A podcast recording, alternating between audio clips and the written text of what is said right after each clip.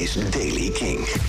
Vandaag laat de zon zich af en toe zien. Er kan hier en daar lokaal ook een bui vallen. Temperatuur 19 graden in het Wargebied tot 24 in het zuidoosten. Nieuws over Rammstein, de Red Hot Chili Peppers en Blur. Dit is de Daily King van dinsdag 4 juli. Michiel Veenstra. De Stichting Natuurbeschermingswacht is naar de rechter gestapt... om de vergunning voor de concerten van Rammstein deze week... in het Groningen Stadspark aan te vechten.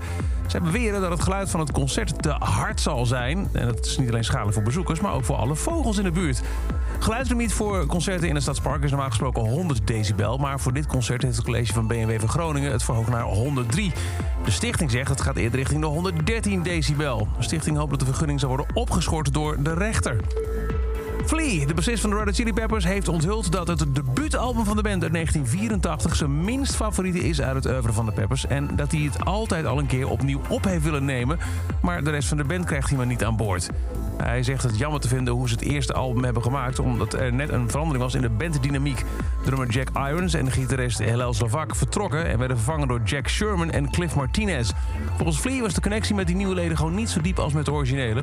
Ondanks zegt hij dat het album enkele goede nummers bevat, heeft hij nog nooit de anderen kunnen overtuigen om het album opnieuw op te nemen. Maar dat wilde hij wel steeds heel graag doen.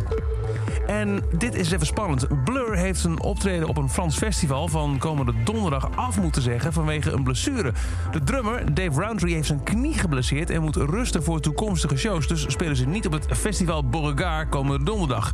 Bezoekers kunnen eventueel hun geld terugvragen, maar kunnen ook naar de vervangende act, dat is Royal Blood.